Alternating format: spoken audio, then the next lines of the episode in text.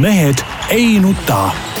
selle eest, et mehed ei nutaks, kannab hoolt Unibet, mängijatelt mängijatele. tere teisipäeva, Mehed ei nuta nagu ikka eetris, Tarmo Paju Delfist. tervist! Peep Pahv Delfist ja Eesti Päevalehest. tervist! Jaan Martinson Delfist, Eesti Päevalehest ja igalt poolt mujalt.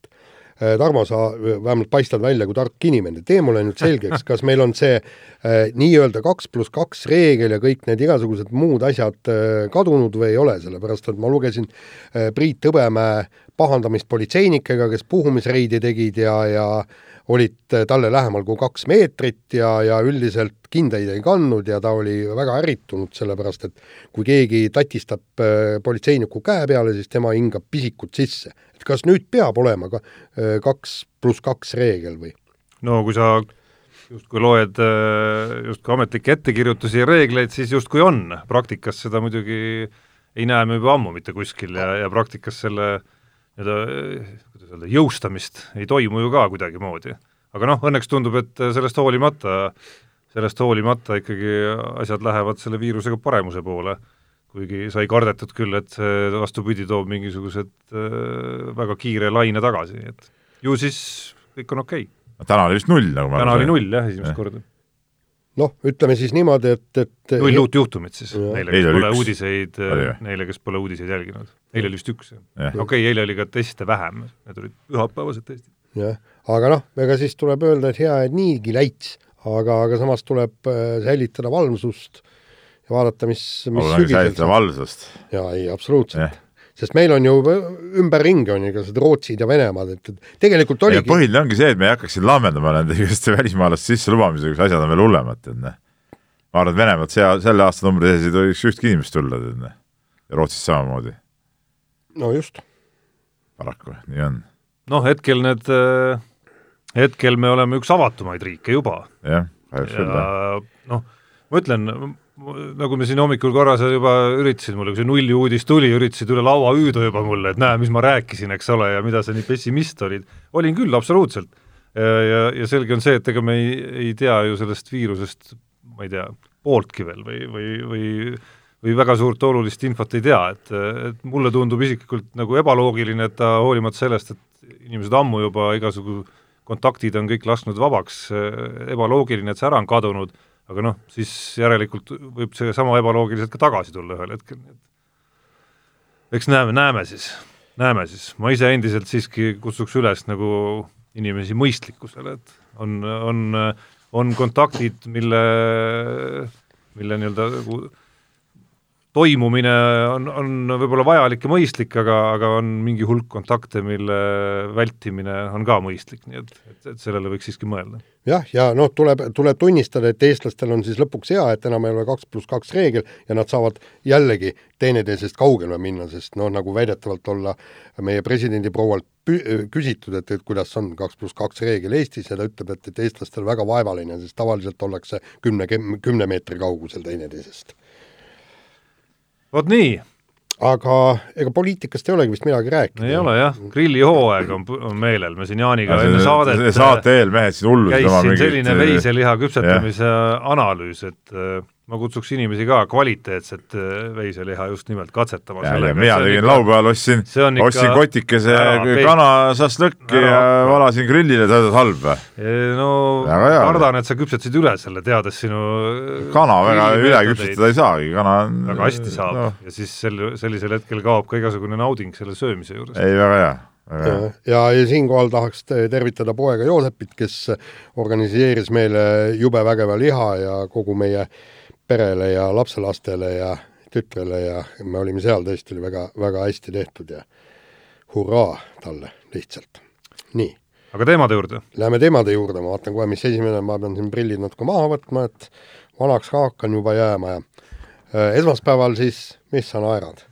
Saate algus oli küll kuidagi reibas ja sujuv üle võib-olla aegade parim isegi, Jaan, ma tahaks kiita sind, see esimene, ütleme kaks lauset võib-olla, aga aga Ja. nüüd, nüüd vana mees ei suuda nii kaua nagu taset hoida, no hakkab ära kukkuma. nojah, eks ta ole äh,. nii äh,, esmaspäeval valitakse äh, meil uus EOK president, toimub see kõik Kadrioru staadionil, aga nagu selgub, ei ole seal sportlikkusega mingit pistmist, nad ei hakka jooksma kahjuks sadad meetrit ega kaugust hüppama, tulevad olümpiakomitee liikmed kokku, annavad oma hääle ja noh, suure tõenäosusega ikkagi praegune president Urmas Sõõrumaa jätkab.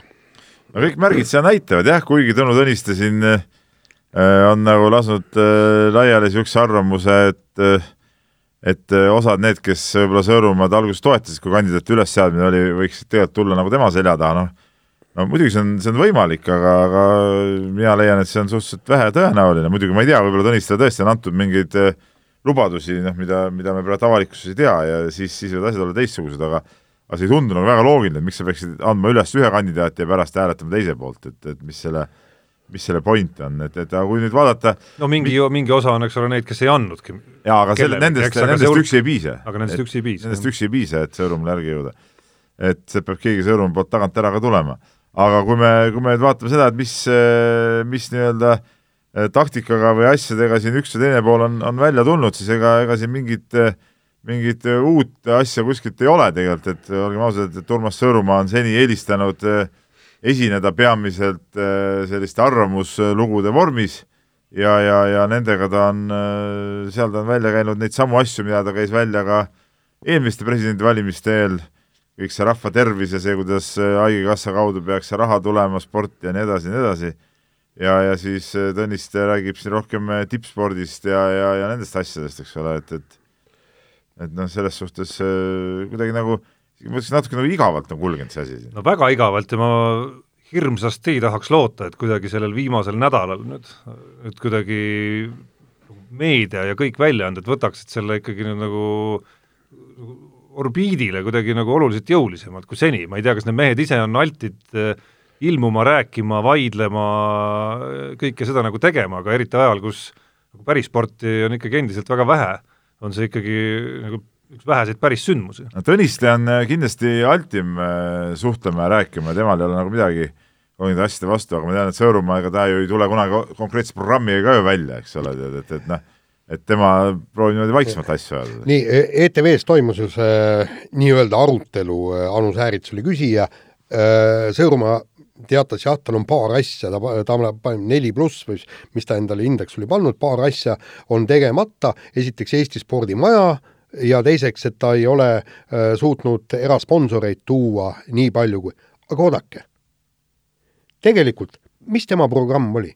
Eesti rahva tervis paremaks äh,. sportkooli järgmine punkt oli, mis, mis asjad seal, seal, seal veel ah,, haigekassast no,, haigekassast ja haigekassast üks protsent. pluss era, erasponsorites ja toetuse tõus. ja, ja ei, no aga see selleks, aga, aga, aga just need põhipunktid, millele ta on kogu aeg rõhunud, põhipunktid, Eesti rahva tervis, lapsed kooli ja, ja koolilapsed trenni ja jah, lapsed koolis, koolis trenni, koolis trenni ja, ja. ja siis äh, Haigekassast üks protsent äh, nii-öelda sinna, need on ju täitmata. Need on ju täitmata, põhipunktid, millele ta on kogu aeg rõhunud. ja nüüd ta rõhub nende samade punktide peale tegelikult praegu. just. jah, no ja, ja ta rõhub sellele punktile, et, äh, et Riigikassast on raha juurde saadud siiski, et Team Estonia on nüüd käima läinud ja et sealt ikkagi kokkuvõttes kõikide asjade peale kokku kaasa arvatud, no jättes isegi välja selle nii-öelda nagu raha ühest taskust teise tõstmine riigi vaates, et siis, siis sealt osast vähemalt on rahasummad tõusnud ja selle osas vastu vaielda otseselt ei saa. jaa, aga, aga Team Estonia ei olnud neli aastat tagasi Urmas Sõõrumaa nii-öelda valimislubadusega, ega see ei olnud, see tuli kuskilt kõrvalt. ma tean, see te, tegelikult tuli teiste inimeste poolt öö, eks äh, mingil määral saab Tõnu Tõniste isegi öelda, et ka tema ja, roll on selles ju. tippsport oli ju tema vastutusala. just, aga, aga siit, siit ei saa midagi ümber ega mööda, et, et tõesti riigilt on sinna Team Estoniasse palju rohkem raha praeguseks leitud, kui äh, eelnevalt nagu arvati ja planeeriti. et see on, see on nagu suur pluss. teisalt hakkame vaatama, eks, et äh, Tõniste ja tema äh, asepresidendi kandidaat Gerd Kanter äh, et äh, nende probleem on see, et, et nad ei ütle konkreetselt, mida, kust ja kõik, näiteks Team Estoniast, ega nad väga palju ei räägi, nad räägivad, et see projekt jätkub kõik nii, aga seda ei ole, et, et nii, me toome nüüd Team Estoniasse nii, nii palju raha juurde. kust see raha tuleb, see on nagu just täpselt, jah ja. et, et, et seal on, seal on see probleem, aga minu meelest see Urmas Sõõrumaa probleem on just, ta, ta ajab asja liiga laiaks Eesti Olümpiakomitee on spordialaliitude ühendus, kes tegeleb tippspordiga. See on ja. põhifunktsioon. sellepärast, et lastetrennid omavalitsuste rida, koolide rida, haridusministeeriumi rida. kultuuriministeeriumi rida. ja kultuuriministeerium, ei isegi kultuuriministeeriumil ei no ikkagi kultuuriministeerium on see, mis nagu ka nagu ütleme, see spordi, spordialaliitusid ja neid asju seal majandab ju tegelikult. just aga, aga, aga nüüd tahaks, tahaks äh, täpselt Urmas Sõõrumaalt ja ka äh, vastaskandidaadilt kindlad punktid, üks, kaks, kolm, neli, viis, kuus ja palun, vaatame näiteks poole, äh, kahe aasta pärast, vaatame, kui, äh, kui kaugele nende punktide täitmisega on jõutud. ja te, võiks teha vahevalimised ka. jah, sest minu arust nende punktide loetlemisel äh, on hätta jäänud mõlemad ja on jäänud ka Tõnu Tõniste tegelikult, kui talle on nagu mikrofon antud üksikutel kordadel, et et ta ei ole ka minu arust väga selgelt suutnud välja tuua ikkagi, et et mis see mis see põhiline muutus saab olema, välja arvatud äh, üks punkt, millele ta on saanud rõhuda päris mitu korda, mis puudutab siis seda nagu dopingu teemat, mis selgelt äh, Urmas Sõõrumaal on selline hell koht, kui nüüd äh, debatiks peaks kuskil tõesti minema, et et seesama hetk on veel minu arust toimumata, kus kus olgu siis debati juht või, või Tõnu Tõniste teisel pool Urmas Sõõrumaad küsiks, et kuule, keda sa siis nüüd mõtlesid, kas mind ka, kui sa ütlesid, et et kõik need suuremad kisajad kas mind ja Gerd Kanterit, kui sa ütlesid, et kõik need suuremad äh, dopinguvastased võitlejad on äh, ise hoopis patused? kusjuures tegelikult, olgem ausad, EOK-s koostöö sujub. üks mees on eesotsas, räägib kord tarka, kord noh, mitte nii tarka juttu, toob raha, tippspordikomisjon töötab tõesti suurepäraselt äh,, aplaus neile, okei okay,, nad seal vahel vaidlevad, vahel on niisuguseid kahtlaseid, kahtlaseid otsuseid vastu võtmas, aga lõpuks on mõistus pähe tulnud ja tegelikult mul on nüüd see mõte, et et neil ongi, igalühel on oma funktsioon, üks on äh, tõesti raha jagaja, üks on raha tooja, kõik nii, aga kes meil on puudu ja mis on tegelikult väga paljudel ähm, äh, olümpiakomiteedel, on olümpiakomitee peatreener, kes vastutab tippspordi eest nii-öelda. ehk siis äh, ta, ta hoiab sportlastel silma peal, vaatab, et, et see raha kasutamine oleks õige, et nende kõik soovid ja vajadused saaks täidetud ja siis, kui ei lähe võib-olla nii hästi ja kui on, tekib probleeme, et siis saaks vahetult ja kohe sportlane tulla tema juurde. aladeülene? aladeülene, absoluutselt, tähendab inimene, kes tunneb spordispetsiifikat põhjalikult ja selge see, et, et ta peab ennast viima kurssi purjetamisega, sõudmisega, ükstapuha, kus, kui, kui ta on. nii, ja nüüd tema läheb tippspordikomisjoni juurde, ütleb, näed meie kümnevõistlejatel on see probleem, näiteks nagu see öö, Michael Uiboga oli, et, et tal ei olnud arsti ega füsioterapeuti USA-s. ja vot tema on see vahelüli. Ja läheb tippspordikomisjoni juurde, meil on niisugune probleem, paluks lahendada. tippspordikomisjonil, kui raha ei ole, läheb Sõõrumaa juurde, kuulge, meil on niisugune probleem, meil oleks vaja kümnevõistlejatele viis tuhat eurot kuus või kaks tuhat või mis iganes.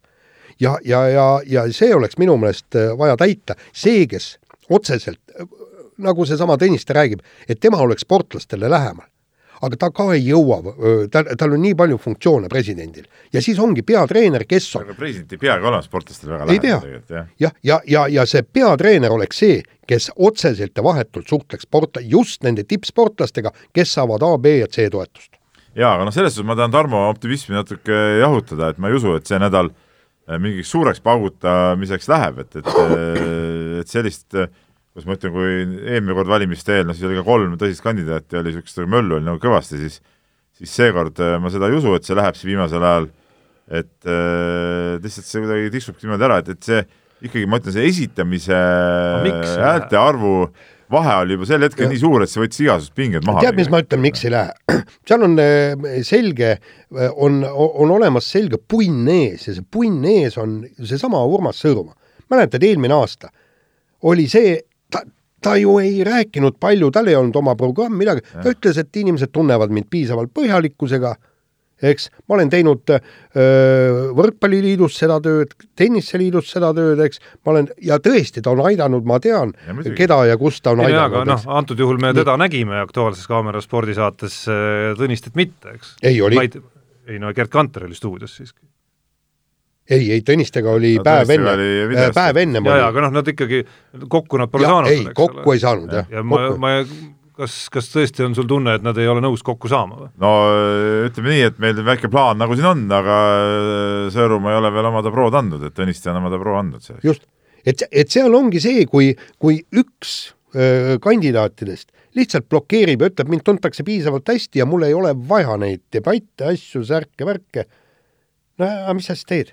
Kus see möll siis käib? point on selles, et no ega see debatt ka väga palju midagi ei, ei muudaks lihtsalt, no selles just asi, et siin nagu see see seis ei ole nii fifty-fifty, noh. see, see on nagu kõige jaa, aga ega selle debati eesmärk ei saagi olla ju millegi muutmine, et, et ma tahakski kuulda neid samu ei no debati eesmärk saab olla selle... see, et et äh, see näitaks ikkagi, mida üks või teine teeb ja mida just, täpselt arvab, eks ole. ta ei pea tingimata muutma, et äh, lihtsalt ma tahakski rohkem teada, ma tunnen, et, et kuidagi vähe on olnud seda. samas äh, Sõõrumaa mingi hetk andis äh, iga nädala tagant mingi arvamusloo välja, et, et loed need läbi ja ongi kõik, noh et ma ütlen, ma kuulasin äh, just viimastel päevadel, mul olid need podcast'id kuidagi pooleli jäänud, nad käisid, Tõniste ja Sõõrumaa käisid üsna lühikese vahega ka Kalev Kruusil külas äh, tema podcast'is ja ja, ja ma pean tunnistama, et ka sealt nagu nii konkreetseid asju välja ei tulnud, nagu me siin mõtlesime, et võiks olla ikkagi. nojah, aga, aga, aga nii on. ja pluss, ja pluss tekkis tunne, et tegelikult tahaks neid äh, pärast seda kahte eraldi sessiooni ikkagi nüüd nagu koos ka korraks. ja, ja aga Sõõrumaa oskus ongi vastata küsimustel nii, et sealt midagi eriti välja tulema, Sõõrumaaga teinud päris mitu intervjuud. ei ta kusjuures ka selles saates oli umbes neli korda, kus ta ütles äh, mingite va asjadele vastates, et ei no sellest me räägime veel kuskil pärastpoole ja siis ja. ja sinna see jutt lõppes. ja ei, aga see, see on, pane tähele, järgmine aasta on, kui täna, tänavu on Team Estonial kolm miljonit, äh, järgmine aasta on Team Estonial kuus miljonit, kõik on jälle hurraa hästi ja, ja ja, ja Eesti rahva laste tervis läheb kogu aeg niikuinii hullemaks ja noh, aga sellest, sellele Sõõrumaa puhul tuleb seda öelda, et ta on selles suhtes võimetu, tal on käed liiga lühikesed. nii, aga võtame nüüd järgmise teema. vahetame teemat, räägime automotost ka ja kusjuures, kui siin saadet edasi vaadata, siis äh, ootamatult palju on isegi seda, seda valdkonda meile täna saatesse sisse tulnud, aga räägime rallist kõigepealt äh, Äh, viimase nädalaga sai siis ka ametlikult selgeks, et äh, kodune ralli, ära jäänud Rally Estonia asemel tuleb, Eesti Autospordi Liit äh, seda üritust veab, Ott Tänak on seal vedajate hulgas samuti ja rallil saab olema nimisponsor isegi, Ott Tänaku sponsor Dirtfish. No see näitab, et tegemist on rahvusvahelise ettevõttega ja ütleme, niisuguse ettevõttega, kes autoralli äh, maailmas äh, üritab aina suuremaid ampse võtta, siis äh, see näitab muidugi seda, et et äh, päris niisugune naljaüritus ei tohiks tulla, et see peaks ikka olema, olema mingi niisugune ralli, mis, mis rallimaailmas ka mingi, mingi jälje maha jätab ja, ja noh, meil ei ole veel räägitud tegelikult, kes siin sõitma kõik hakkavad, aga ma, mul nagu tundub küll selle, selle Dirtfishi uudise taustal ka, et, et siia tuleb ilmselt rohkem WRC sõitjaid kui Ott Tänak jah, kuigi ma ütlen, et juba õnnestumise mõttes piisaks Ott Tänakust üksinda, et äh, piiramatult pileteid nagunii müüa ei saa, ehk et see arv saab olema piiratud ja selleks, et äh, see hulk välja müüa ilma erilise reklaamita, piisab sul ainult sellest, et Ott Tänak on seal kohal, aga mulle tundub ka, et neid saab rohkem olema tegelikult. No.. kui Tänak ise juba seal Äh, asjatamas ka on. härjal sarvist haaranud. jaa, aga no täpselt sama on ju see, et et meeskondadel praegu seda testiaega napib, neil antakse ju testiaega ainult kolm testipäeva iga ralli kohta, mis tulemas on. Mis tähendab, et kui neil oli enne planeeritud nelikümmend kaks testipäeva, nüüd nad saavad ainult kakskümmend üks testipäeva.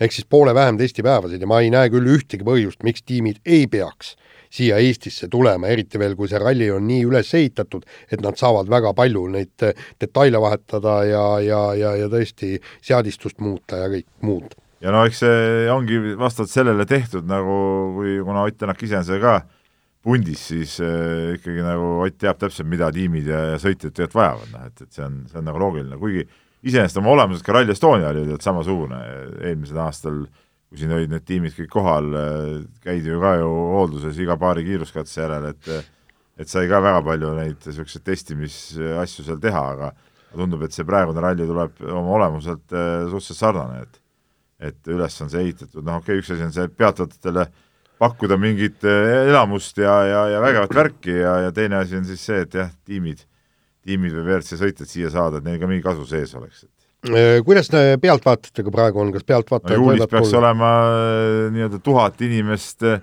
aga noh, arvestades, et siin on kiiruskatsed hajutatud, siis ma arvan, et seal iga kiiruskatse kohta saab tuhat vähemalt või iga vaatamiskoha kohta tuhat, ma ei tea, kuidas nad selle üles ehitavad no,, tund, ütleb, tundub, et sinna saab ikka rohkem inimesi jah, no loogika ütleb, et kui on eraldi võimalus sinna vaatamiskohale minna, siis selles samas eraldi vaatamiskohas võiks nagu tuhat inimest lubatud olla, et nüüd on küsimus, kui palju selliseid kohti on kuhu eraldi niimoodi ligi saab kolmel erineval kiiruskatsel. no ei, kohti on ikka, ega siis, ega see siis ei lähe rallit vaatama nii, et ühelt, ühe koha pealt minnakse kogu kiiruskatse pealt, kiiruskatsed on ju pikad ja ja seal need kohad on nagu olemas, need kohad on ikka teada, et et selles suhtes Rally Estonia näitas ka head eeskuju, kuidas nad tegid neid osades kohtades, et sissesõidutee ühtepidi, väljasõidutee teistpidi ja neid noh, seal saab nagu mängida neid asju. ütleme sealt Rally Estonialt tuleks ikka kõvasti asju üles, üle võtta, noh kas või tõesti need vaatamiskohad, kõik see hea ligipääs, aga noh, muidugi ma, kui hakkab rahvas ründama sinna nagu, nagu oli viiskümmend tuhat inimest, noh, seda oleks natuke palju, et kuidas sa nüüd neid takistad, et see viiekümne tuhandene mass ei tule. iseenesest on võimalik takistada küll, sest et teadupärast rallidele ütleme, need vaatamiskohtade ligipääsud on ikka, ütleme, läbi metsateede ja saad lihtsalt need teed otsast kinni panna, näiteks ma olin paar aastat tagasi seal Suurbritannia rallil Walesis, siis eh, seal üks päev oli, reedene päev või laupäev, ma ei mäletagi, oli see, kus eh, ralliautod boksi tookord ei tulnud tagasi ja, ja sõitsin sinna kaugele, et nendega rääkida lõunapausi ajal. ja, ja siis mõtlesin, noh, vaatan kiiruskatsed ka vahepeal, aga näiteks oligi, vaatasin, ahah, siit pöörab sisse kõmm oli seal äh, politsei ees ja öeldi, et äh, tutkit, brat, et äh, rohkem sisse ei saa siia ja ongi kõik. aga metsa seenele võib minna sinna? no seal sa, sa ei saa nii lihtsalt ma mõtlen Lõuna-Eesti, Lõuna-Eestis samal no, ajal. jaa, aga no ega need ei ole, no see ilmselt, ilmselgelt see Tarmo ei ole väga palju rallidel käinud. ei ole, ei ole, absoluutselt. no sealt on ikka viis kilomeetrit, peaksid kuskil marssima. viis kilomeetrit pole midagi, alles nädalavahetusel ma marssisin metsas viis kilomeetrit. läbi Padriku, läbi Padriku, sul ei ole seda tavalist teed. jah et me oleme seovad mingi koha peale, kus midagi vaadatagi ei ole näiteks, noh, seal nagu ei ole pointi nagu eriti. no, et noh, selles suhtes ma ütlen nii, et et eh, siin on nagu palju selle ralli ümber nagu kisagi ära olnud ja, ja, ja ma täna rääkisin ka ühe ühe rallispordiga hästi lähedalt seotud inimesega ja, ja ma jõudsin välja põhimõtteliselt ühe, ühe ja sama arvamuseni, et et noh, tegelikult on, on, on, on nagu ükspuha, kes seda rallit korraldab, peaasi, et et ralli toimub ja, ja, ja korralikud autod siin sõidaksid ja nii ongi tegelikult. nojah, tegelikult jah, aga no ma ütlen, tegelikult ei taha minna täna, ei olnud mõtet plaanis minna veel uuesti hakata lahkama seda, seda tülimomenti seal, aga ega see tüli ei ole ju ja kogu see, see lugu ei ole ju läbi tegelikult, ka Rally Estonia äh, aastatepikkused korraldajad on eelmisel nädalal öelnud, et nad ei ole ka püssi veel põõsasse visanud ja ma saan aru, et järgmisel nädalal on ka Autospordiliidu juhatus, et huvitav äh, pööre võib veel tulla kuigi seal vist on äh, prognoosid umbes sarnased nagu EOK presidendivalimistel, mis puudutab Sõõrumaa ja Tõniste vahekordi, et siis siis prognoosid on seal Autospordiliidu juhatuses või koosole-, üldkoosolekul sarnased, aga et kui sealt üllatus peaks tulema ja, ja kogu nii-öelda juhtkond äkitselt vahetub, siis, siis on ju kõik pea peal päevapealt kohe. jah et see on seda kõike huvitav jälgida. muide, kas me vastasime, siin oli vist lugeja, lugejakiri kuskil tuli ma vahepeal, ma ei tea, kas sul on seal kirjades või kuidas sellega nüüd on, kas see ralli, praeguse ralli korraldaja maksab see, seda nii-öelda rahvusvahelise ralli korraldamise maksu Autospordiliidule sada tuhat eurot? autospordiliit ise korraldab, siis endale nagu maksta, mida sa maksad seal siis? ei no jaa, aga noortetööks läheb see. jutt käis ju noortetööks, et ühesõnaga no, Need on kaks erinevat asja, ma et üks asi on see, kui keegi väljapoolt korraldab, eks ole, siis kuule, meil on reeglites ise korraldab, siis ei, ma ei, ei, ma ei tea, võib-olla maksavad. ja võib-olla maksavad ja vot see on ma ei oska seda öelda, ma ei, ma ei, ei ole sellesse nagu süüvinud väga. nii, aga lähme edasi eh, nii-öelda põrina spordiga ja, ja vormel üks sari on naasmas, Jaan siin kirjutas mingisuguse artikli ka esmaspäevasse lehte, kuidas vormel üks sari äh, reformeerub, stardijärjekorda hakatakse paika panema siis laupäevase niisuguse sprindivõistluse taustal, kus siis tugevamad alustavad tagant ja kehvemad eespoolt, on kehtestatud igast kulupiiranguid ja, ja vähemad saavad tuuletunnelis testimise ajaga tugevamad tiimid ja nii edasi, et, et et kõik selleks, et siis äh, vormelivõistlused muutuks äh, võrdsemaks, ütleme, kui, kui praegu on olnud ja, ja ma ei tea, kiidame heaks, ma arvan. no Jaan natukene endale omaselt muidugi ruttas ette sündmustest, et, et asjad ei, ei ole ju lõplikult kokku lepitud veel siiski, eriti mis puudutavad seda kõige huvitavamat just. ettepanekut, ehk siis seda, et muisasjus on kokku lepitud? Eh, muisasjus jah, mis puudutab neid kulude piiramist ja nii-öelda eh, kulude limiite siis ja nende vähendamist järgnevate aastate jooksul, need on küll kokku lepitud jah, aga mis puudutab siis seda katsetust, et proovida sta-, kvalifikatsioonisüsteemi üldse nagu muuta ja stardijärjekorda siis teistpidi kokku panna, äh, ja, ja kus räägitakse siiski mitte selle püsivalt tegemisest praegu, vaid räägitakse sellest, et kui Austrias tuleb kaks etappi nädalase vahega, et siis teisel etapil võiks proovida sellist teist varianti. ja Suurbritannias täpselt samamoodi tuleb kaks etappi sel aastal ja siis see teine, et need ei oleks kaks täiesti ühesugust identset võistlust, et see saaks nagu olema ühtaegu põnevuse huvides ja teisest, teisest, teiselt küljelt siis ühtlasi ka huvitav katsetus, aga aga ma saan aru, et kõik tiimid peavad sellega nõus olema ja üks tiim, üllatus-üllatus, kes see küll olla võiks, loomulikult ei taha väga väga sellega olla, see tiim, keda me tavaliselt näeme esimest stardirida täitma. just, aga ma seda ka kirjutasin artiklis, eks, et, et kõik üheksa tiimi on, kõik ülejäänud on poolt, Mercedes ei ole ja Mercedes väidetavalt põhjendab sellega, et, et seal võib juhtuda ettearvamatut ja Lewis Hamilton ei pruugi selle tõttu nii kindlalt maailmameistriks tulla ühesõnaga, ja praegu teised, teised tiimid äh,, isegi Red Bull ja, ja nüüd pressivad peale, et kuule, lõppude lõpuks, meil on publiku huvides vaja äh, katsetada vähemalt äh, seda kvalifikatsiooni. ja, ja vaatame, mis sel nädalal toimub hääletus ja, ja minu meelest oleks see häbematu äh, Mercedese poolt et olla sellele vastu. kõik peavad olema nõus, et reegel muutuks, eks ole. ma lugesin ka eile õhtul Red Bulli bossi Kristjan Horneri eh, seda üleskutset siis oma Mercedese kolleegidele, kus ta ikka ütles, et et kui mitte nüüd, siis millal veel proovida. ja siis samal ajal jäin ma muidugi mõtisklema, et huvitav, mida Peep siin eh, päev hiljem saates ütleb, olin täiesti kindel, et siin hakkab üks kõva traditsioonide kaitsmine pihta. nii ma, nagu ma, ma ootangi oma sõna järge natuke. aga tegelikult sa juba nagu oma heakskiidu andsid ära. ei, ma ütlesin, kas kiidame heaks, küsi-, see on nagu küsimus, aga tervikuna ega jah, see on kahe otsaga asi, et, et selge see, et see võib-olla see vormel on natuke kuidagi nagu see tasemete, taseme vahe on nagu liiga suur nagu.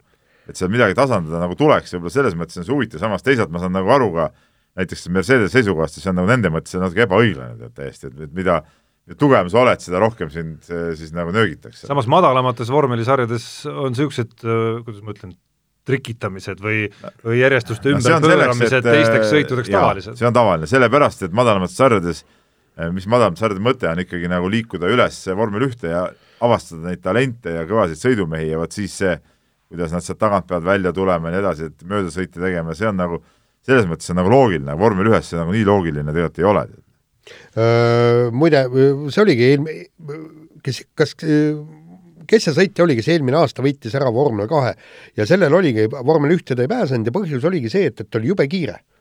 eks vormel ja, ja põhimõtteliselt sõitiski ees, ta, ta ei pidanudki võitlema, kui siis nende vastu, kes olid, kellele ringiga pähe teha ja selle peale öeldigi, et ta on aastaid läbi nii sõitnud, aga vormel ühes sa ei saa kohe kõige kiiremasse Ferrarisse. sa pead oskama vingerdada, laveerida sealt äh, tagantpoolt ka ettepoole.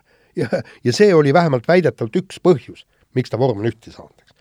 aga, aga selles mõttes, et äh, kui see Liberty Media äh, sai need õigused kätte, siis praegu ikka käib totaalne see, nagu soomlased ütlevad, et vormel ühe DNA lõhkumine just see, et ähm, kulupiirangud, enne oli ju see, et, et no jumal, pappi oli nii palju, kui on ja ma tahaks näha, kuidas Ferrari, Mercedes hakkama saavad, neil oli nelisada pluss miljonit dollarit iga aasta ja nüüd on järsku, palju see oli, sada kolmkümmend saja neljakümnest, saja kolmekümne viiest käis jutt. jah, saja, saja neljakümneni. ikka drastiline vähenemine. nii, väiksemad tiimid on kõik sellega harjunud ja, ja nagu nad ise ütlevad, nad on väga efektiivsed. Nad ei kuluta jumal teab mille peale, eks ja nüüd peab sealt, sealt ka, teine asi on just see, mina ei oska selle kohta öelda, kui palju on see tuuletunneli testiaeg, et sa saad nagu nädalas teha kümme sõitu vähem kui viimase koha meeskond. aga äh, asjatundjad ütlevad, et, et see on väga-väga suur vahe.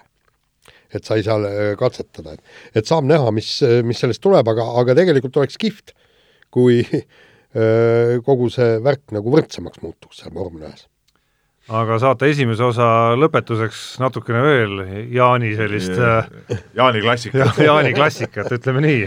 noh, noh, juhata sisse siis oma oma, oma et klassika. äh, tegin Erki Noolega loo, kui ütleme kaks, kaks niisugust äh, kõva No. jutumeest said nagu kokku ja, ja panid natuke hullu. ei, ei väga, väga kihvt jutuajamine oli ja ja põhjus, miks ma temaga intervjuu tegin, et kakskümmend viis aastat tagasi oli vist, et püstitas ta, see oli eelmine kolmapäev või mis iganes, püstitas ta Eesti rekordi kaugushüppes, siis tuli jutuks, et äh, kas kümnevõistlus on tema noh, nagu nii-öelda parim ala ja, ja seal noh, ütleme niimoodi, et, et äh, Erki Nool no, seda Jaan, kindlalt ei Jaan, ütleme nüüd nii, et Erki Nool siiski ei seadnud kahtluse alla ise kuidagimoodi. ei, ta, ta ei seadnud kahtluse alla, ta ütleb, et ta on, ta on hästi või-, aga nagu ta ütles, et ta oleks ka kümnevõist- või seal teivashüppes, kaugushüpet ta ei öelnud, ütles, et ma oleks kaheksa nelikümmend ära pannud, eks.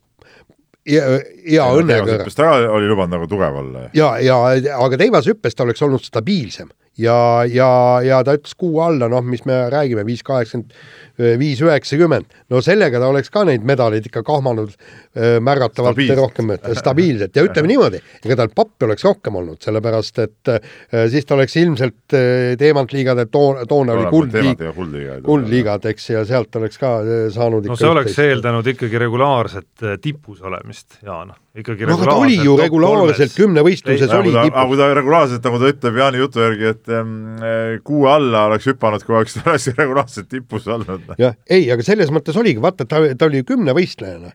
ega tal ärakukkumisi ju sisuliselt ära ei olnud olnud jah, jah. ja, ja, ja kusjuures erinevalt paljudest teistest sportlastest oli tema ka raudmees. kas ta üldse vigastuse tõttu jättis mõne võistluse? ei no lõpus, kui ta vanaks jäi, jah. hakkaski segama, muidu ta jah, oli ikkagi väga, väga kõva jah. No ta, mis puudutab, kui sa selle finantsi tõid, siis ta, tema ajal ju tegelikult tekkis ka kümnevõistlusesse natukene seda juurde, et tekkisid need IAF-i challenge'id ja sellised äh, sarjad sinna ka, mis, mis siis seda kaugast hakkasid ikkagi nagu rohkem täitma ja ja mis puudutab seda kodust maailma, siis siis noh, päris palju lõpuks sõltub see vastus sellele küsimusele sellest, kas ta oleks teivashüppes olümpiavõitjaks tulnud või mitte, et olümpiavõit Eesti spordisüsteemis on ikka, ikka ekstra klass igas mõttes. ja ei, seda küll, kaugushüppes ta ilmselt ei oleks tulnud. jah, seda, seda poleks ilmselt välja mänginud niisuguse tulemusega. nii, aga nüüd on Jaani fantaasianurk läbi ja, ja Lähme päris asjade juurde. See nüüd küll õige mingit romantilist, ütleme massaažimuusikat tuli siit vahele. see eh, roosa löga, roosa löga jah kusjuures roosa nupu all. kusjuures ma võin öelda, et see on veel äh, lilla nupu all ka veel see no see on kahtlane värk. ja järgmine kõll on aga see iseloomustas äh, täpselt Tarmo olemust. ei, kusjuures see oli küll huvitav, et siin nagu märkamatult oli neljast kõllist üks oli välja vahetatud, ülejäänud olid samad, nüüd tuleb õige.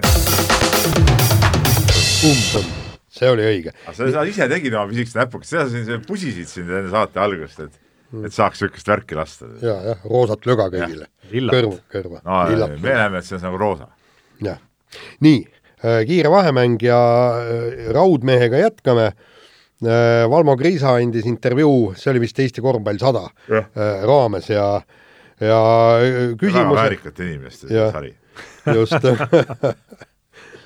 et, et et keda seal sarjas Mõne ei ole erandiga., jah, keda seal sarjas ei ole, kes intervjuud pole andnud, seda pole olemaski, eks ju, Eesti korvpalli jaoks. okei okay,, Peep on seal nii-öelda olnud. ja siis küsitakse, et no kuidas Valmo Kriisal vigastustega on ja vend siis andis teada, et tui-tui-tui, vigastusi väga ei olnud, meenuvad mõned väi-, väsimusmurra, murrud ja rinnalihase rebenemine, aga lõikusele või lauale ei ole kunagi sattunud. Et põhimõtteliselt noh, et, et niisugused väsimusmurrud, ega need ei ole asi vigastused. ja no, see mingi rinnalihas rebenes ära, noh mis asja. oota, kus ta, kui ta seal Rakverega hõbeda võitis, tal oli seal mingisugune ilge punn oli vist käe peal või millal see oli ka? mingi lihase rebend oli mina seal. mäletan, mina mäletan lugu Martin Van Gendi ajast, kui ta oli Kalevis ja, ja, ja mingis mängus ta oli terve mängu põhimõtteliselt mängis, ma ei mäleta, see vist käeluum, mis tal katki oli, selle ta jättis mainimata veel selles intervjuus. No ühesõnaga ta põhimõtteliselt keeldus väljakult ära tulemast ja mängis selle lõpuni. jah, ei no aga see on, no kas käe, käeluu, käeluu on siis, okei okay,, jalaluuga ma saan aru, et, et ei saa võib-olla joosta, ja- käeluu ei sega ei no teine käsi on ju terve. teine, jah, ja head mehed ju viskavad mõlema käega ka. Jah ja ei, ega siin, siin muud ei jäägi üle, et, et siit siis õpetus kõikidele jalgpalluritele, korvpalluritele, kergejõustiklastele, väsimusmurd ei ole vigastus, lihaserebend ei ole vigastus, nendega võib rahulikult sporti edasi teha. aga Thierry Neville, tema leidis omakorda viimase nädala jooksul lõpuks üles põhjuse, miks ta ei ole seni WRC sarja maailmameister, nimelt kuna Andrea Adamo on ikkagi nii uus mees Hyundai's, siis kogu, kogu probleem seisneb selles, et Adamot ei olnud varem juba tiimi juhtimas, oleks juba varem tiimi käsklustega ja osava taktikaga natukene paremini manööverdanud ja ja kui Adam oleks varem tulnud, siis oleks tal tiitel olemas. no no võib-olla see ka nii on. ega me ei tea, sest et äh, ega neid niisuguseid hetki on küll olnud, kus kus oleks olnud ka varem seda abi võib-olla vaja, aga, aga jah, ütleme viimasel ajal muidugi Hyundai on on väga osavalt neid asju välja mänginud Adamo ajal, aga, aga varem, varem seda niimoodi tehtud, nii et ja. selles suhtes on, on siin õig-, õigus ju, tera on sees nagu. jaa, aga, aga seal oligi, eelmine oli, oli see Nandan vist, eks ju oli Hyundai juht.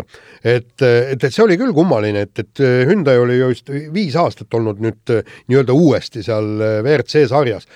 korralik tiim, raha taga, kõik head autod, ei midagi ja, ja mitte ühte tiitlit mitte ühte tiitlit, siis ongi ju tegelikult põhjus, miks see Adamo eh, sinna ja kutsuti ja, ja kohe, põmm, meeskondlik tiitel kohe olemas. selles suhtes on on kõik õige, et, et seal olid probleemid ja, ja, ja nii see asi ongi. jaa, aga, aga no samas jällegi noh, ütleme niimoodi, kui palju nüüd siis äh, mängisid äh, näiteks Ogier, kui ta M-spordis oli, no kui palju tema siis mängis seda taktikamänge, Ott Tänak igal juhul väga tema, tema eest äh, kõrvale ka ei tõmmanud ja ikka väga see mäng ei käinud Ogier taskusse aga Taktikaga. teine aasta, kui Ott oli juba läinud, ei ikkagi, no tead, Ott ütles, et ega Otil poleks võita lastud, vaata kui Ott läks Toyotasse üle, kas ma mäletan valesti, minu arust ütles midagi niimoodi, et et ma ei tahta enam teine number olla, tead noh, et, et seal nagu ei no seal oli jutt oli, jutt oli rohkem varuosadest ja, kõikidest nendest ja ja, ja kõik, aga jah, aga mina küll ei mäleta suuri taktikamänge, et, et äh, Tänak oleks kuskil gaasi maha võtnud või siis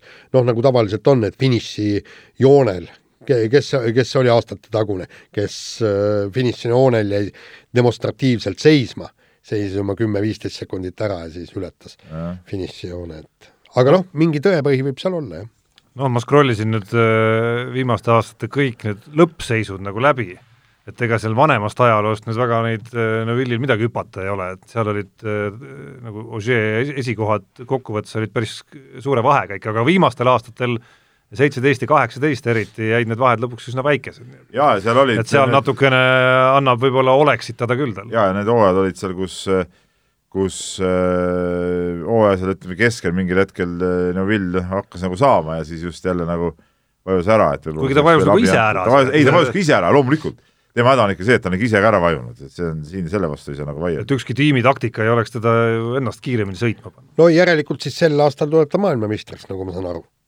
no ei tea, mul natuke meenub ikkagi, ma ei mäleta, mis, mis klubi kohta see käis selle korvpalli Euroliiga, kus, kus mingi mees ütles, et, et nagu vabandused, no vabandused on nõrkadele põhimõtteliselt, et kui sa juba vabandama hakkad, siis noh, see ei ole, kui ma mängin sellises klubis, võis olla Barcelona, siis noh, selles klubis ei ole, ei tooda niisuguseid jutte lauale, et et, et üldiselt ma ei tea, kahtlane jutt aga... Neville ongi niisugune mees, kes on natuke viripill kogu aeg olnud. jaa, ei seda küll, aga tegelikult äh, Adamo äh, mängib neid taktikamänge ja tegelikult ja, on nüüd, äh, tegelikult nüüd on küsimus, kui on veel sel hooajal nad sõidavad kolm või neli rallit ja Ott Tänak on ikkagi noh, ütleme niimoodi, et, et ta ei ole väga pikalt maas, aga ta on ikkagi maas ja üsna keeruline on, on, on seda vahet tagasi võtta. kuidas nüüd see mäng hakkab käima?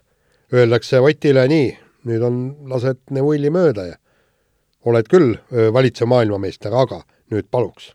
jah, see on iseenesest huvitav küsimus jah, et kui see rallide arv läheb nii väikeseks nüüd, siis no oletame, et näiteks neli tuleb veel, et ma ei tea, kas kohe esimesel võib-olla mitte, et no Tänaku ülitähtis osa on see, saab olema see, et ta kohe Neville'ist ikkagi tabelis mööda saaks. muidu võivad need mängud kohe pihta hakata. muidu võivad kohe pihta hakata, jah. mõtle, kui kolm rallit on jäänud, kaks rallit on jäänud. tegelikult hakkab juba, see mäng hakkab pihta ikkagi ma arvan, et esimene ralli ükspuha, milline, mis ralli see hakkab olema, selle esimese päeva järel hakkavad mängud juba pihta tegelikult. no just. nii. aga lähme nüüd põrina asjadega edasi, Tarmol on siis niisugune hea, tõesti hea, hea saade seekord. Teile mõeldes lihtsalt. et Eesti on muutunud siis ralli inimeste paradiisiks, et eh, siia on kolinud lisaks eh, Toyota tiimi bossile Tommy Mäkinenile elama ka noh, endine noh, vormel- ja rallimees Miga Salo, aga ka Teemu Suninen ja Kalle Rompera, siis ütleme, Soome need nooremapoolsed äh, rallisõitjate praegused WRC kihutajad, et et ma selle Rompera põhjendas seda sellega, et Toyota peakorter on äh, siin Peetri kandis, aga Sunineni kohta ma ei teagi, et kas mi-, mi-, miks ta siin Eestis on. no maksuküsimused on, olen ma aru saanud ikka. kuigi kas Eesti ei ole nii ka väga, väga no, Soomega võrreldes ikka. Soomega võrreldes kindlasti parem. ja, ja teine, teine asi on see, et, et siin on ka odavam, see elu on odavam ja, ja noh, aga, aga mis Roompearasse puutub, siis tegelikult on ju see, et, et eks nad siin kuskil neid masinaid, mingeid teste, sirgeteste nad võib-olla siin saavad teha või peavad tegema ja siin ju pannakse seda autot kokku ja ka siin, siin on ja no Tommy Mäkinen elab ju ka enamus aja siin no, Eestis. jah, ja käib siin väidetavalt golfi mängimas ja, ja kõik noh, Kalle Roampere otsis Roampere ja Suninen on mõlemad diskgolfi mehed näiteks, mõlemast on leitud ka pildid Sunineni ma nä-, pilti ma nägin äh, Männiku rae peal mängimas ja, ja Rompera otsis, kus mängida. ma ei tea, mis ei osanud siis Sunineni käest küsida, kuhu minna või mis head rajad on. no ikka tahad nagu ikka otseallikatest ja rohkem infot saada ja sai ka kohe. jah, ei, et ei noh, ega siin ei olegi muud, kõik latvalad ja noh, vaata, kust lat-, latvalad Soome maksu no ta on hiljaks jäänud, latval. ei no jaa, aga tulgu siis ikkagi nüüd ja, ja kõik Osieed ja lööbid ja kõik tulge siia Eestisse, jumalast lahe aa, mina olen järgmine või, kas sa pagan? ikka. nii, aga me hakkame, jätkame muidugi põrinatega. Ott Tänak loobus parima meelelahutaja auhinnast, sest olevat spordimees ja kinkis selle Kalev Kruusile, kes oma sõnul polegi siiamaani mitte midagi äh, võitnud ja kui soomlased kirjutasid selle uudisse, siis nad paniks, panid äh, kuidagi pealkirjaks, et äh, Tänak jäi omade liistude juurde. ehk siis jätkas oma, oma niisugust kuigi see auhind oli vist siiski nagu sportlik meelelahutaja, mitte lihtsalt meelelahutaja, kui ma õieti mäletan. jaa jah ja, ja, nii oli jaa, see oli spordisektori meelelahutus. aga ikkagi ta loobus, ikkagi ta loobus. ei, seda küll jah, seda küll jah, et, et noh, jah, no inimese vaba tahe, et, et no ütleme, ühest küljest see ei üllata, eks, siiski. sest noh, Ott Tänak ei, on jätnud ütleme, võib-olla kaalukamaidki üritusi vahele, võib-olla küll mitte päris loobunud nagu äh, auhinna nominatsioonist, on ju, niimoodi resoluutselt. kuigi ega, ega ka sellest pole asi väga kaugel olnud mingitel ja. hetkedel võib-olla, aga teisest küljest muidugi ma tahaks Ott Tänakule küll öelda, et et sa siiski oled ka meelelahutaja, et sportlased on ka siiski meelelahutajad, et ja minust ei ole ka mitte midagi piinlikku selles, kui me nimetame sporti ka meelelahutuseks. sport on show tegelikult ka otseselt, ta on küll väga raske töö ja väga tõsine töö, ma alati rõhutan seda töö aspekti spordijuures, aga sport oma olemuselt on ikkagi ju selleks, et pakkuda midagi pealtvaatajatele, kui sa midagi pealtvaatajatele pakud, siis ongi nagu etendusshow, noh, niisugune see kõik see ja, ja kokkuvõttes see ongi meelelahutus. ja kusjuures siin ma tahaks ka veel öelda seda, et, et kui me vaatame maailma tippmeelelahutajaid, siis nad kõik teevad meeletult tööd, no võta kas või need balleriinid ja võta meie öö, pianistid ja viiuldajad ja maailma tipus, see on ikka tundide, tundide pikkune öö, rühmamine päevast päeva. ja, ja, ja tõesti, no tähendab, ütleme niimoodi, et, et isegi see, et, et kui, kui ma istun siin Äh, kui ma äh, rallil istun siin äh, arvuti taha ja hommikul hakkavad need kiiruskatsed pihta, ma ju vaatan seda kui meelelahutust, mul on lahe olla. ja väga Aga lahe kas, ei ole, kui kas Tänak mitte ka eelmine aasta ei võitnud seda auhinda? vot seda ma ja küll ei mäleta. ma mäletan, et äh, sa saad kiiresti, sa oled nobedad näpud, igatahes mingi minu arust selle, sellesama muna ta võitis, mis kategoorias, ma, ma enam ei mäleta ja siis ma mäletan, et kui meil oli see Delfi rallipäev, siis siis Neinar Seli andis selle talle seal äh, mingis vipptelgis äh, üle igatahes, et kuidagi niimoodi vaikselt ja tagasihoidlikult, et see nagu erilist äh, tähelepanu, mulle tundus, et ka siis see Otile erilist ütleme, midagi väga suurt ei pakkunud. jaa, tõepoolest, nii oli, jah. sama, sama auhind, jah? sportlik, aasta sportlik meelelahutaja, jah ja. ja..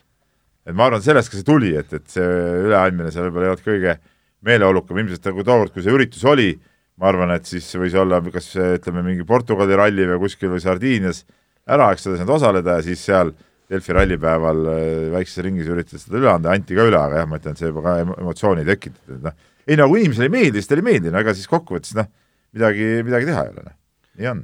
noh, samas äh, võtaks mütsi maha Kalev Kruusi ees, kes väga filigraansed äh, ütleme, ka, ka meeltlahutavate lausete saatel minu arust selle olukorra nagu lahendas, et oleks võinud võib-olla nina vissi ajada ja öelda, et käige kuu peale selle jutuga. aga ütles ilusti, et äh, panen ta riiulile ja Ott ükskord ümber mõtleb, siis saab tagasi mu käest selle. jah, ei no Kalev lahendas selle nii, nagu Kalev omas, omas võtmes või omas mahlas oli.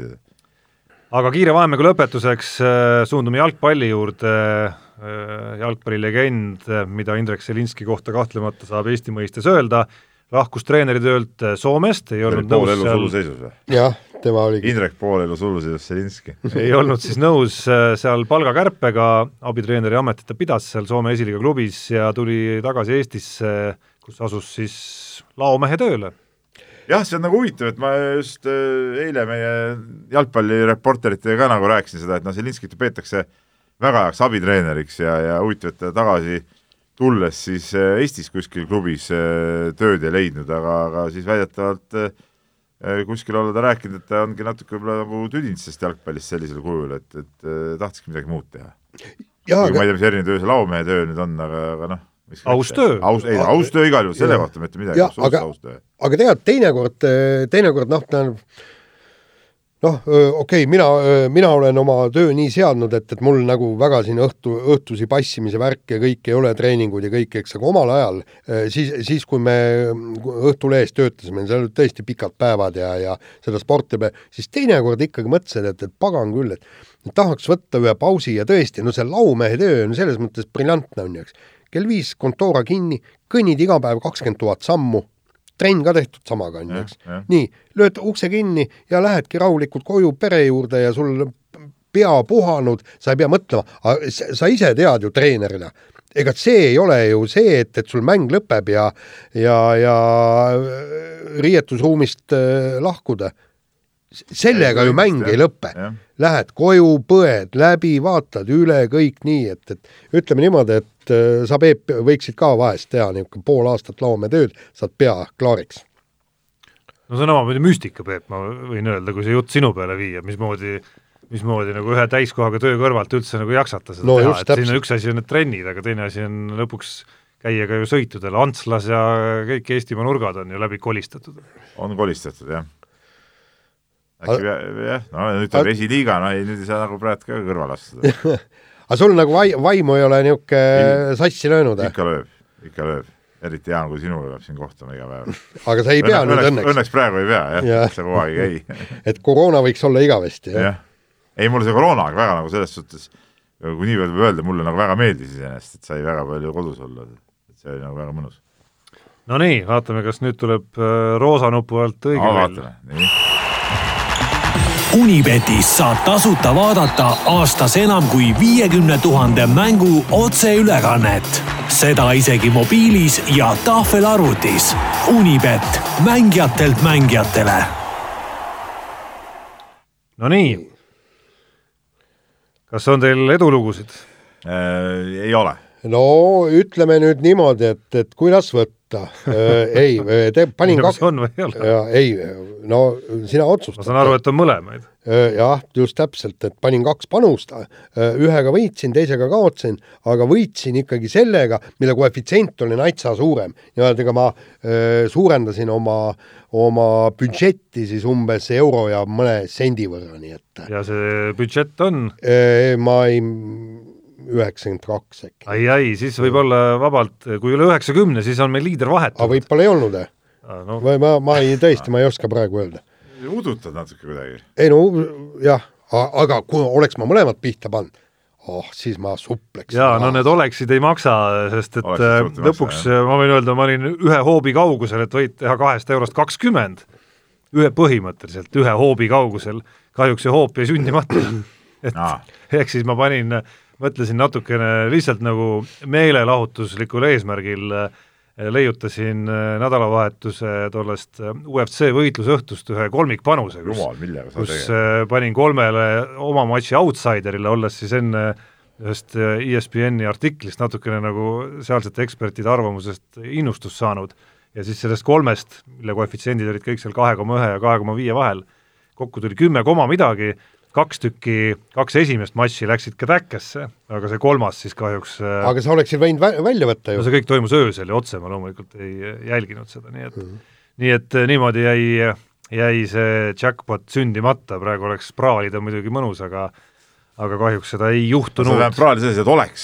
jaa, nii see oleks, aga see oleks ei maksa mitte midagi, aga uude nädalasse tulles siis äh, on Unibetis ka kaks mehed ei nuta eripanust üleval, päris kõva jalgpallinädal on Eesti meistrivõistlustel, ehk siis on kohtumas siin Nõmme Kalju ju järjest äh, mõlema oma põhikonkurendiga, kõigepealt Levadiaga ja siis Floraga, ja üks nendest eripanustest äh, puudutabki Nõmme Kaljut ja neid kahte mängu, ehk siis on olemas koefitsiendid äh, kõikidele võimalikele variantidele, mitu punkti Nõmme Kalju nendest kahest mängust võiks kokku saada, kas siis null, üks, kaks, kolm, neli või kuus punkti, neist kõige ebatõenäolisemaks on hinnatud kümmet, vabandust, kahte punkti ehk kahte viiki, mille koefitsient on siis kümme koma null ja kõige tõenäolisemaks kusjuures äh, koefitsiendiga kolm koma viis ühte punkti. ehk siis üks viik ja Ossa üks äh, kaotus, täpsemalt, ma igat neid, igat seda rida ei hakka ette lugema, ja on ka teine eripanus ja see puudutab äh, äh, homset Paide linnameeskonna ja Flora mängu äh, ja see on siis eripanus võimendatud äh, koefitsient Paide võidule, kolm koma seitsekümmend viis. nii et minge, ja möllake. See on väikse koefitsiendiga viitsi panna. seda on vähe sulle või? muidugi. no mis, paned viis eurot ja mis saad sealt tagasi, midagi. väga hästi saad, mida, kaheksateistkümne ringis. noh, mis on napp, no pane rohkem siis. ei raatsi. sellega ei saa kilo head lihagi osta. nii, aga Jaan teeb äh, selgeks oma kontoseisu ja siis on meil selge, kes on liider, aga nüüd läheme kirjade juurde. ja, ja kirju on seekord erakordselt palju ja, ja hakkame siit otsast, otsast minema, Tamm Tamm, meie vana hea kirjasaatja on kirjutanud, et äh, äh, alati on huvitav lugeda Peebu ja Jaani pikki ja sisukaid lugusid loomulikult ja ühe Jaani loo kohta tekkis tal küsimus, see on päris huvitav kiri tuleb siit nüüd. et äh, Jaan kirjutas, et pulbermäärete keelustamine annab Eesti laskesuusatamisele suure hoobi et, et seda fluoril põhinevad suusamäärad võimaldavad väikestel riikidel suurtega võrdselt võidu sõita. no selle jutu peale siis vaatas ta läbi kõik eestlaste eelmise hooaja sõiduajad ja tegi väikse statistika. mehed jõudsid ainult viis korda viiekümne stardist viiekümne par parema hulka puhta sõiduajaga, naised kaheksa korda. ja siis ta arvutas välja lisaks ka Eesti sõitjate äh, keskmise hooaja koha eh, puhta sõiduaja eh, nagu lõikasime trahviringita ja siit päris huvitavad numbrid tulevad välja. Kalev Ermits viiskümmend kaheksa, Raido Ränker kuuskümmend kolm, Sahkna seitsekümmend kaheksa, Siimer üheksakümmend üks, Elna sada viis. Päris rajud kohad muidugi. ja naistest siis Talijärv viiskümmend kaks, Oja kuuskümmend, Toomingas seitsekümmend kuus, Kaim üheksakümmend, Lehtla üheksakümmend kaks ja siit nüüd küsimus Jaanile. et kas Jaan mõtles Kaia Parvet, kui kirjutas suurest hoobist Eesti laskesuusatamisele ja väikeste riikide suurtega võrdselt võistlemisest, sest sõiduajad näitavad, et Eesti laskesuusatajad ei sõitnud eelmisel hooajal suurtega võrdselt isegi pulbermääre, määretega. pulbermääre võrdsustab äh, ja, ja, siis muidu oleks olnud Jah. kahesajandal No kohal põhimõtteliselt küll, kuigi nii palju stardiski polnud. ja ei no tähendab, kas, kas kohal, aga, aga kaotus oleks olnud suurem ja, ja seda nüüd, kui määrde firma öö, juhid ja omanikud seda väidavad, siis, siis ju ta nii on, et, et, et selge see, et, et et, et meil ei ole võimalust seal on pu-, puhtalt äh, füüsiline värk, meil ei ole võimalust äh, iga lumestruktuuri jaoks teha uusi suusapõhjalihve ja, ja just praegu noh, lisalugu oligi ju Hillar Tsahknaga, Eesti Laskesuusal Föderatsiooni peasekretäriga, kes ütles, et tal äh, teeb EOK-le esildise, et kõikide alade üleselt tehakse lihvimistiim, ostetakse lihvimismasin ja palgatakse lihvimisspetsialist. ja, ja ma- masin on kallis aga, aga ta pole nii kallis kui spetsialist. ja ta ütleb, et meil ei ole mitte midagi, mingit lootustki, kui kõik teised ja võta veel pulbermäära ära, mis paneb suusad paremini li, libisema.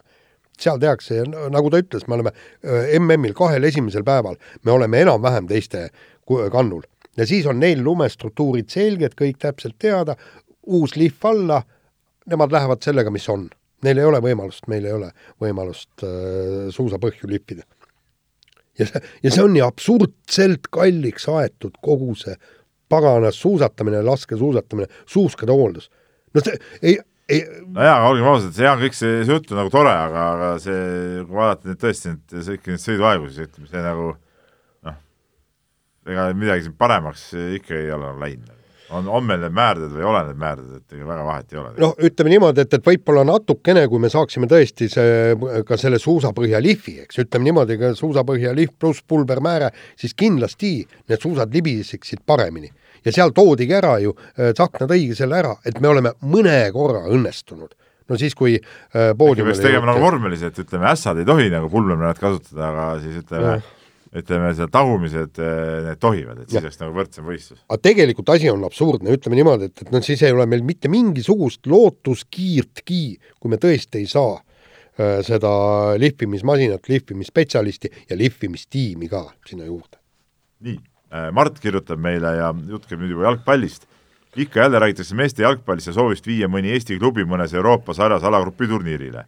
samas oleme juba kümme aastat näinud, kui lootusetu see on, kui lootusetu ettevõtmine see on. hooaja lõpus peame ikka tõdema, et jälle on meie klubid Gibraltari ja Fääri saarte amatöörklubide vastu lagunenud.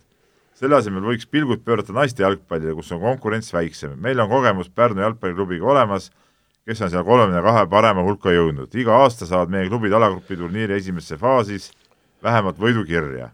kui nüüd veel pisut rohkem panustada noortetöösse ja naisi ka rahvusvaheliselt motiveerida, siis võiks sealt kolme ja nelja aasta pärast juba tulemus tulema hakata.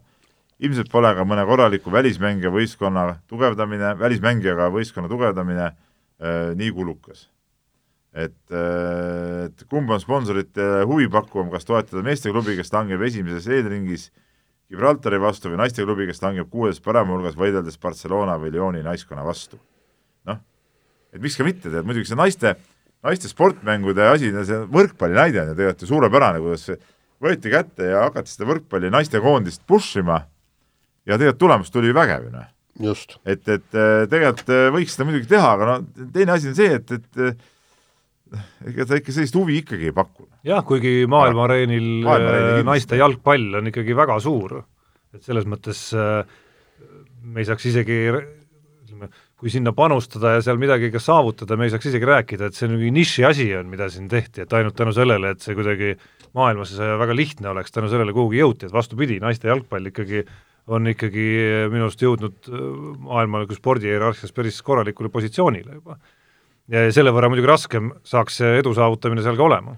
no ütleme niimoodi, et maailma tasemele me ilmselt ei jõuaks, noh, ma ei tea, aga aga siin on üks asi, on, on tõesti, kui me tahame siin klubi jalgpallis ja kui me tegelikult tahame ka Eesti koondist väga tugevaks äh, saada naiskonda, siis ongi siin ainukene võimalus, kas üks või kaks professionaalset naiste jalgpallitiimi ja kuhu koondada kõik parimad. et no sisuliselt superklubi, kas üks superklubi või siis kaks superklubi.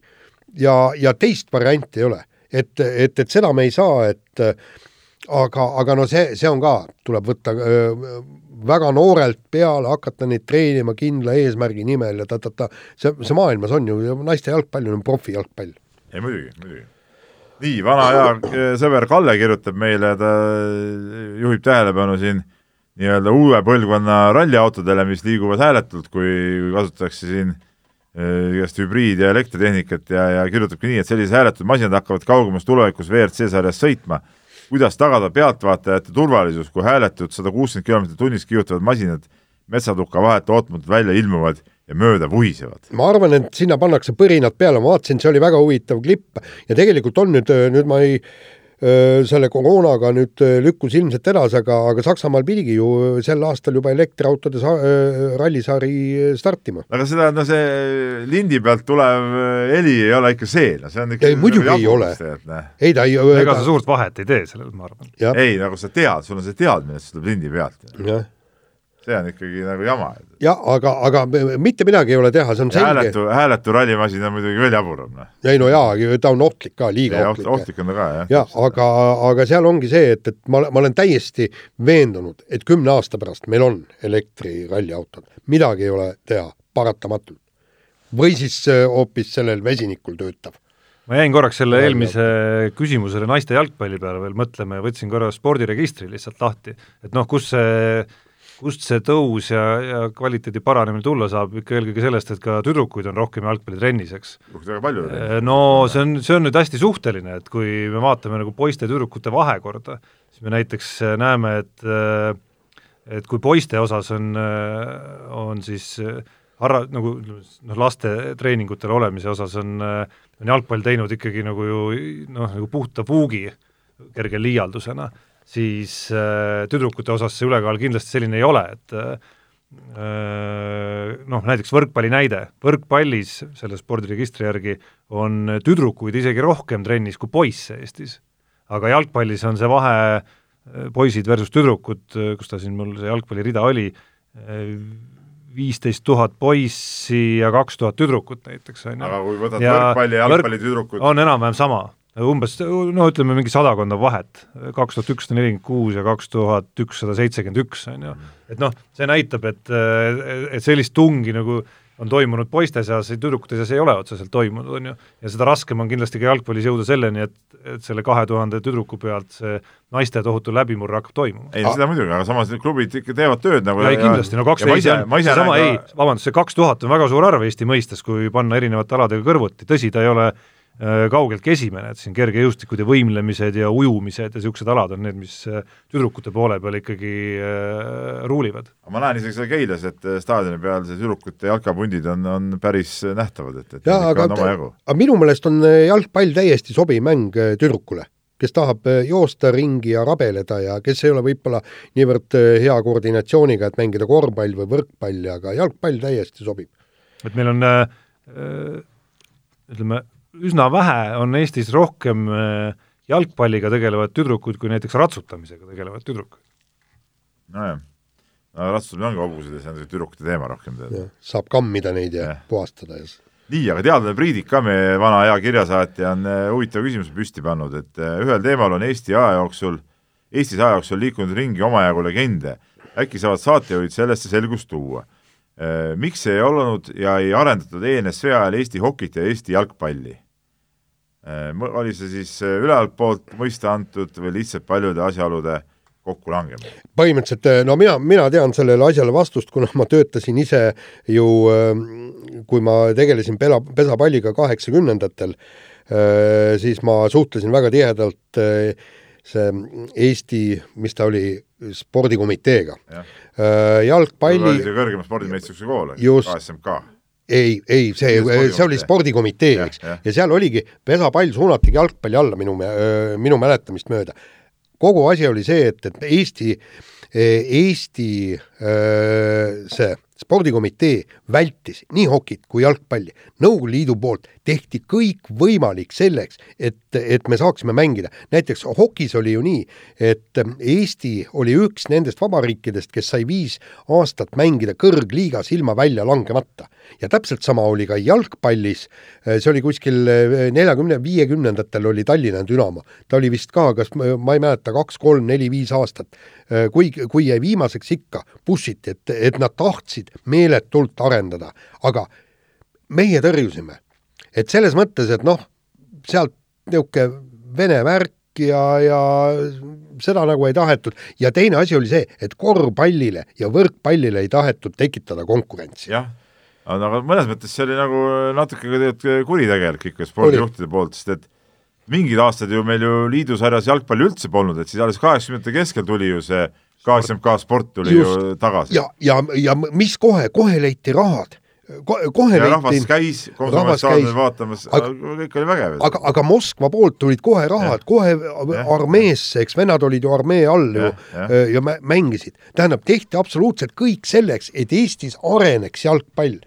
teine asi oli selle okiga, et, et see Narva Kreenholm oli, mängis aastaid seal liidu teist liigat, lõpuks tuli see Tallinna Talleks ka veel, et, et mm -hmm. meil oli kaks võistkonda liidu teises liigas, aga aga ütleme, seda suurt arendustööd nagu ütleme nende, just Narvas, miks oleks võinud teha Narvast väga suure niisuguse oki keskuse, väga hästi oleks tol ajal saanud neid asju teha. jaa, aga, aga selleks on vaja, tähendab, kui sa vaatad, kuidas see kor-, korvpall tegelikult omal ajal nii-öelda ruulis ja terve liidu öö, tasemel ruulis, oli ju see, et, et spordikomitee, need nii-öelda vanemtreenerid, kõik need, eks, Helma Multerid ja kõik, kes seal olid, nad olid nii tihedates sidemetes Moskvaga, nad said sealt kauplesid välja raha ja kõike värke või liidukoondis oli pidevalt Eestis, käis, käis ju Jaa. treenimas, eks kõik nii, ja tänu sellele nad said ka igasugust pappi, värki, said välisreise, kõik niimoodi, oleks keegi sama aktiivselt jalgpalliga tegelenud ja loonud siin ka Eestis süsteemi, oleks kindlasti äh, Mo- Moskva sinna taha tulnud, rahad taha pannud ja kõik nii, aga lihtsalt meie spordikomitee ei tahtnud jalgpalliga tegeleda ega ka jäähokiga.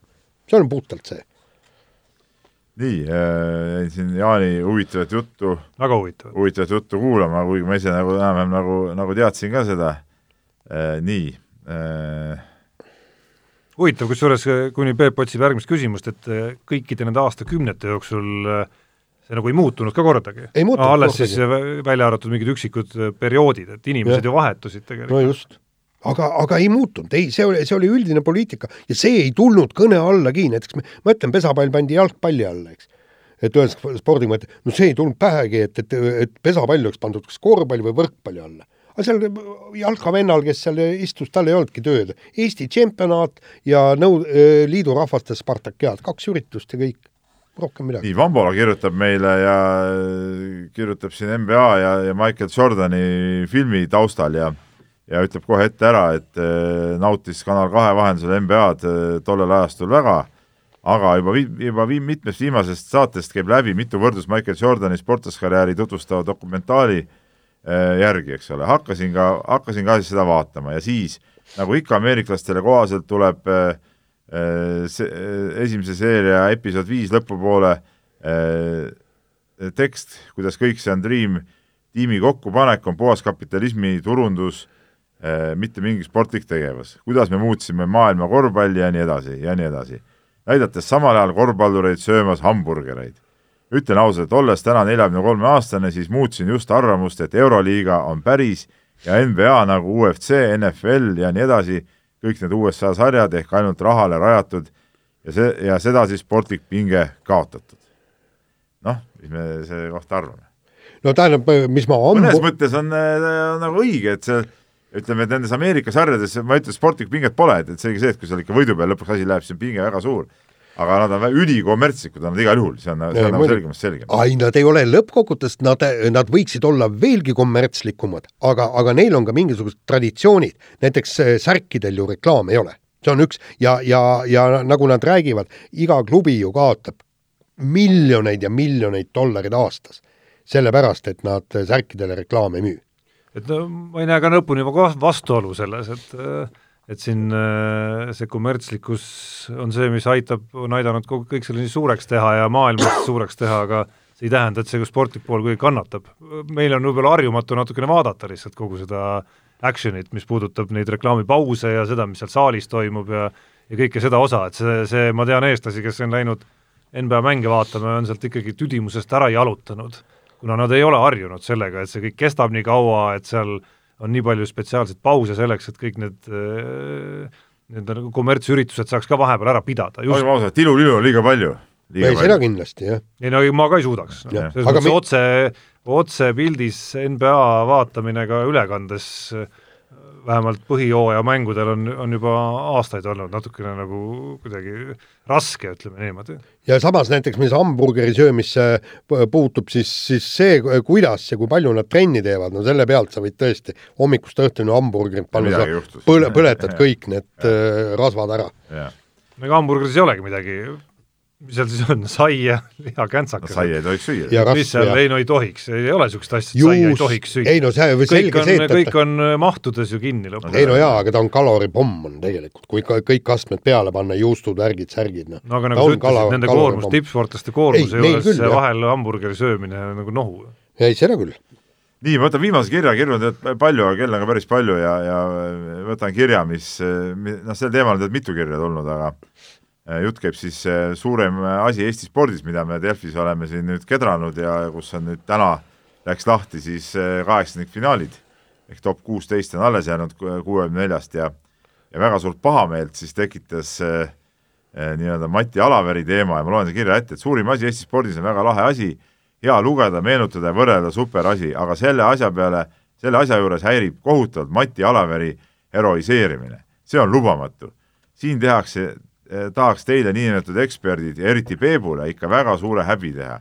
kuidas on üldse võimalik, Alaver sellesse nimekirja sai. sellel mehel pole saavutusi, kõik see, mis saavutati, tuleb maha vaikida ja kui selle mehe nimi on üldse suhu võetakse, siis saab temast rääkida ainult kui kurjategijast ja mitte seoses spordiga. see oli ekspertide poolt Barutole näkku sülitamine, jutt käib sellest, kuidas Baruto ja Alaveri võitluses oli viik ja otsustavaks sai siis nii-öelda see minu hääl ja, ja ka žürii tegelikult tervikuna pani Alaverile nagu posi-, parema positsiooni. Alaver jõuab, Alaver jõuab end diskvalifitseerida, eksperdid, minge vaadake peeglisse ja tundke natuke häbi. ja veel kord, Peep, kohutav eksimus, et oma otsustava häälega Alaveri heroiseerisid. ma arvan, et ma olen kõige neutraalsem ehk siis kõige sobilikum vastama sellele siin, kuna ma, mul, mul ei ole nagu otsest korralduskomitee seost. aga sa oled ka ekspertide ma olen ekspertide ringis jaa, aga ja. ma ju, juhiks tähelepanu ikkagi sellele kõikidele, kes on Alaveri teemale tähelepanu pööranud, et, et konkursi nimi ei ole parim asi Eesti spordis näiteks, vaid on ikkagi suurim asi Eesti spordis ja ja see suurus ei pea tingimata omama nagu positiivset tähendust ikkagi siin ehk siis seda, mis oli Alaveri efekt, olgu siis positiivsetel aegadel või pärast, noh, seda ei muuda see, kas see, kas see meile meeldib või mitte, et et see on ikkagi üks taasiseseisvunud Eesti ka-, vaieldamatult suuremaid ma ei tea, peene nimega siis nagu narratiive, mis siin üldse, üldse lahti on rullunud meie silme ees, kõigepealt tuhast tippu ja siis aastate jooksul tuhka tagasi, tuhka tagasi. tuhka tagasi. jaa, ma ütlen, Tarmo sõnastas selle täpselt, täpselt õigesti ära ja ja, ja nii see ka tegelikult on ja et, et kõik need veel kord aru saaksid, siis see minu hääl ka ei olnud mitte seepärast, et ma ütlen, et Alaver oli äh, kokkuvõttes ülikõva, ei, no nüüdses valguses loomulikult ei ole kõva, noh et ta on häbiväärne kogu see tegevus, aga aga ütleme jah, tervikuna tema see mõjutamine, palju ta Eesti sporti ja ja, ja spordirahvast on mõjutanud, et see, see oli just see, mis, mis äh, mis minu silmis oli, oli suurem äh, osakaal kui Barutol, aga aga mis ma, mis ma veel tahan öelda, et siin kirjas oli ka, et et Alaver nime ei tohiks äh, üldse suhu võtta või ta tuleks nagu täitsa maha vaikida, siis ma ütlen, et see on ka nagu, see on nagu niisugune tõesti nagu Nõukogude Liidulik niisugune lähenemine, et kui näiteks oli mõni sportlane või laulja või kunstnik või keegi, kes oli kõrges hinnas, siis näiteks põgenes välismaale, eks ole, ehk siis muutus nii-öelda kurjategijaks, siis äh, seda kustutati ju igalt poolt ära, siis teda nagu polekski olnud olemas. et noh et sama teed me ei saa siin ju minna. muide, see oli see sama nende Vene ja Kanada seeriate peal oli, läksid vennad Šastnõid läksid, hüppasid ära ju tšehhide ja mis isegi slovakid või olid, no Tšehhoslovakid nii, ja, ja siis põhimõtteliselt oli niimoodi, et eh, vaene Nikolai Ožerov ei tohtinud neid nimetada, kuna nad mängisid mingis äh, profiklubi eest. Mm, -hmm. nii, ja siis oligi, kõik teised olid seal, see lõi, Tony Esposito, näed, lõi või kaitses ja Phil Esposito lõi värava ja kõik, ja siis, kui äh, äh, Šastnõi viskab värava, siis kanadjets zabrošil za šaibu, ta ei tohtinud öelda äh, isegi ja jutt käib Tšehhoslovakist, aga mitte venelasest. ja noh, Ozerov, ütleme selle ta äh, emotsionaalse mehena suutis vist ära teha, aga ütleme, tema äh, kommenteerimises on ka eredamaid hetki, kus sa ei suutnud ennast pidada, ma imestan, et ta selle niimoodi nagu vastu pidas. jaa, noh, ütleme käsk, käsk oli hullem, kui sa ütled seal gool huistanga, no see ei ole nii hull, aga kui sa ütled välja Šastnõi nime, no sellega oleks no, eetrikeelu saanud. no see oleks jah kohe, ütleme kakskümmend viis pluss viis heal juhul. et nii on, nii on need asjad, et, et siin mingit Alaveri heroisee-, heroiseerimist nüüd kindlasti ei olnud mm. kellegi poolt, et ja, et aga lihtsalt nii on. ja muide, meenutuseks, me kunagi tähtsaim asi Eesti spordis aasta Äh, täht-, tähtsaim sündmus Eesti spordis kunagi, kui me Õhtulehes tegime, siis näiteks ühel aastal, äh, kaks aastat järjest oli negatiivne, üks oli Michael Pargi surm, äh, võitis, see oligi tähtsaim sündmus ja, ja järgmine aasta või eelmine aasta oli veel midagi, ma tõesti ei mäleta, mis on. aga Salaver ei ole ka meie enda edetabelites. ei no aga meie enda aasta edetabelites on olnud ka Ott Tänak äh, kui kraaviseiklus või tähendab järveseiklus ja. Äh, Mehhikos. on ei no Kalaver ise vist on ka võitnud, ma pakun. ja, ja, ja, ja Ott Tänak Just. Mehhiko järves on ka olnud, et noh, see ei tähenda, et me seda kuidagimoodi hurraa ütleksime selle peale ja hästi tehtud. et lihtsalt selle sündmuse tähendus, suurus ja olulisus on need, mis, mis mängivad rolli. nii, aga sellega on nüüd saade läbi, et see on kohutavalt pikalt meil läks, aga noh, meil oli vähemalt lõbus, ma loodan, et teilgi. no saate sinise nupu alt siis kõlli ja no, olete, olete rahul. ära sinist möga lase sealt. mehed ei nuta. saate tõi sinuni Unibet, mängijatelt mängijatele